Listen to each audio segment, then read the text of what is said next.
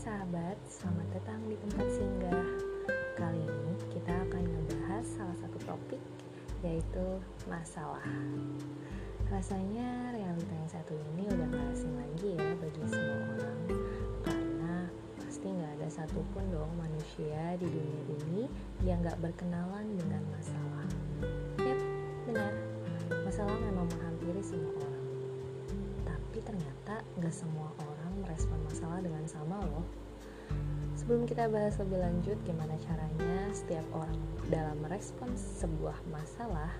Coba kita bahas dulu yuk sebenarnya masalah itu apa sih? Mungkin ada yang bilang masalah itu sesuatu yang gak enak gak diharapkan gak diinginkan untuk hadir di hidup kita. Kalau boleh milih mungkin kita lebih memilih untuk hidup tanpa masalah. Tapi ironinya manusia itu nggak mungkin loh bisa berkembang dan bertumbuh tanpa adanya masalah Coba deh teman-teman perhatiin. Mungkin munculnya banyak perkembangan dan teknologi yang ada di sekitar kita sekarang, hampir semua itu lahir dari sebuah masalah loh. Contohnya, adanya lampu di dunia ini karena Thomas Alva Edison melihat dunia begitu gelap kalau malam. Ini adalah sebuah masalah. Terus, adanya kendaraan darat, laut, udara, karena manusia kesulitan menempuh jarak yang jauh jika hanya mengandalkan fisiknya. Bayangin aja deh kalau nggak ada kendaraan, ya ampun, kayaknya kita mager deh buat ke mana-mana karena boros waktu dan tenaga. Gempar duluan ya nggak sih? Terus terus, adanya alat komunikasi kayak handphone yang kita genggam tiap hari nih.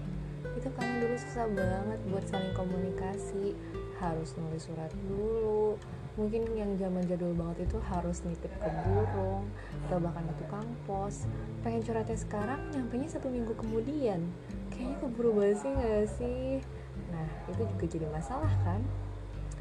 Nah dari beberapa contoh di atas uh, mungkin membuat kita berpikir ulang tentang masalah. Gimana sih caranya kita harus memandang sebuah masalah?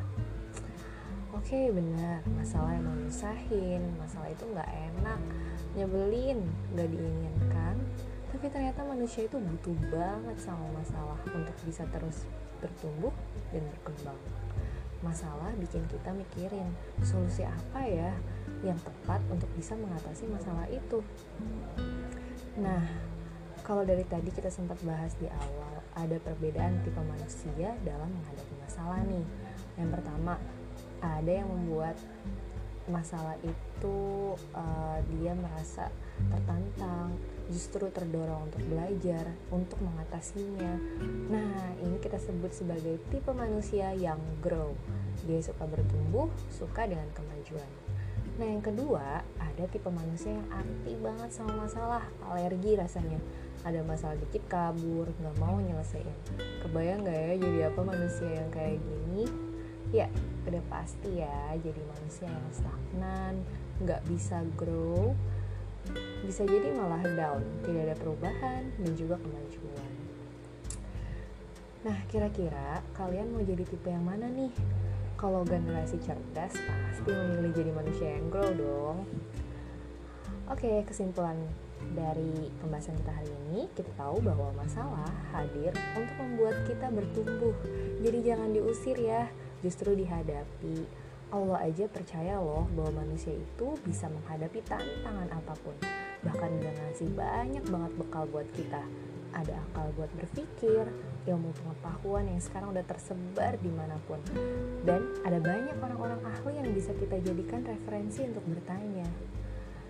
Jadi, uh, believe me guys, there's no problem which not having solution. There's always a way when you try to find it. Semoga kita semua jadi generasi yang grow, anti kabur dari masalah.